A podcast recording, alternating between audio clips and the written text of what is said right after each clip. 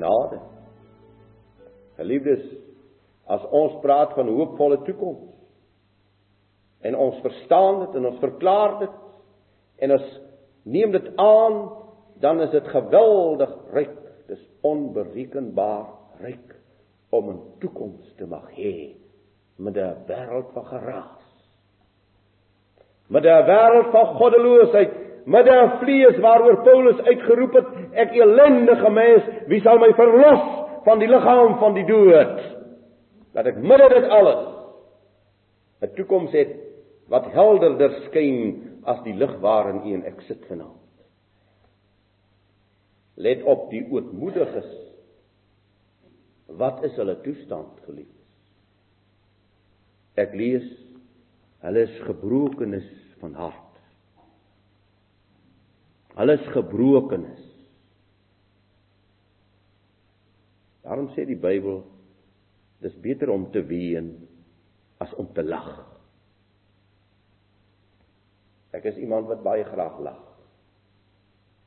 Maar is beter om te ween. Want as ons na onsself kyk en as ons na ons kinders kyk en as ons na ons familie kyk en as ons na ons volk kyk en as ons na die wêreld kyk waarin ons lewe, wat 'n smart. Dit is om te gaan sit en huil. Jeremia wat uitroep, "Was my oë fonteine." sal ek nie ophou beween die gevallenes van my volk nie. Die ootmoedige mens is 'n gebroke mens. Jawe sê hy sal die gebrokene en die verslaane van hart nooit verstoot nie. Baie dikwels geliefdes raak u en ek so gewoond aan 'n sonde in ons lewe Dit raak vir ons so normaal, die sonde in ons lewe, die kwaad in ons lewe, die slegte gesindheid in ons lewe, die slegte karaktertrek in ons lewe, dat ons nooit na Jawe toe gaan en sê Jawe, verlos my van hierdie sleg deel in my persoon en in my karakter nie. Ek is maar tevrede daarmee. Maar 'n gebroke mens breek sy totale lewe voor God. Geboeides. Alles geboeides Hy sê hy sal vir hulle verkondig vrylating. Opening van gevangenes. Is u en ek vanaand vry mense in hierdie wêreld? Ons sit gebonde in 'n vlees wat vir ons elke dag laat struikel. Ons sit gebonde aan soveel dinge, geboei. Nou as ons nog maar geboei was soos Petrus en soos Paulus ter wille van die evangelie woord. Want terwyl Paulus en Silas in die tronk sit in die gevangenis, dan sing hulle lofliedere tot eer van Jawe.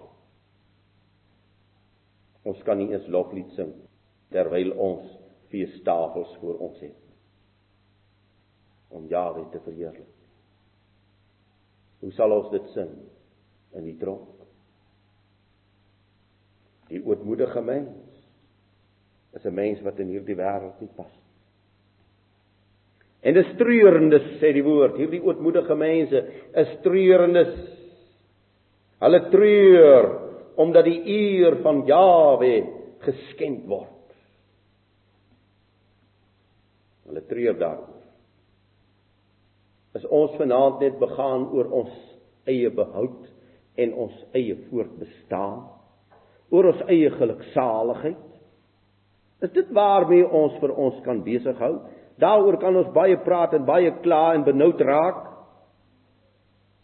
Maar kom daar 'n opstand in my wese teen die ontering van Jawe, van sy woord, van sy koninkryk.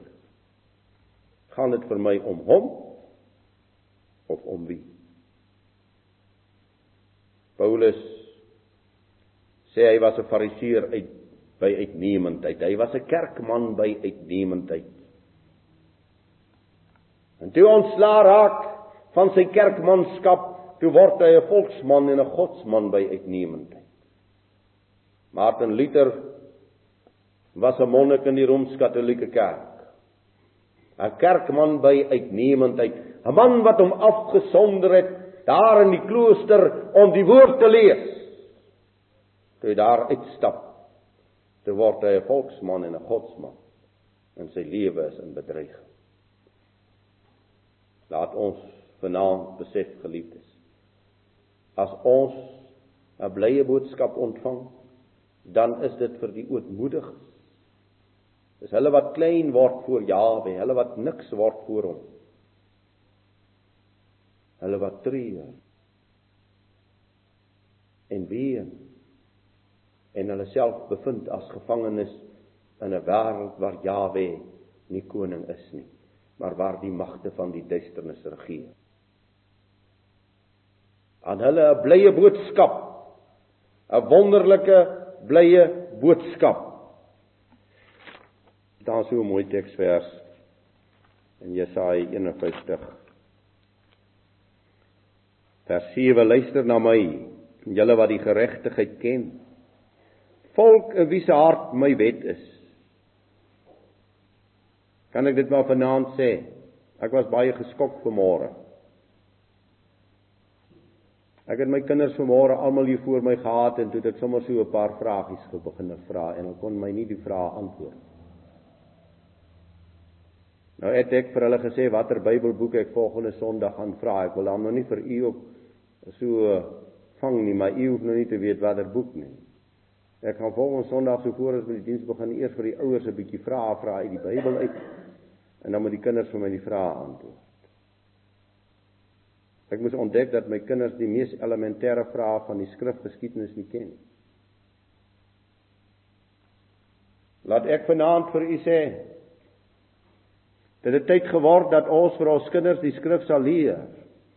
Hulle moet die skrif ken, hulle moet die geskiedenis van God se werke ken oor die eeue Hulle ken dit nie. Ons moet vir mekaar maar begine vra vra. Ons moet maar met mekaar begine eerlik en reguit word dat ons die skrif nie ken nie. Ek praat met Israeliete.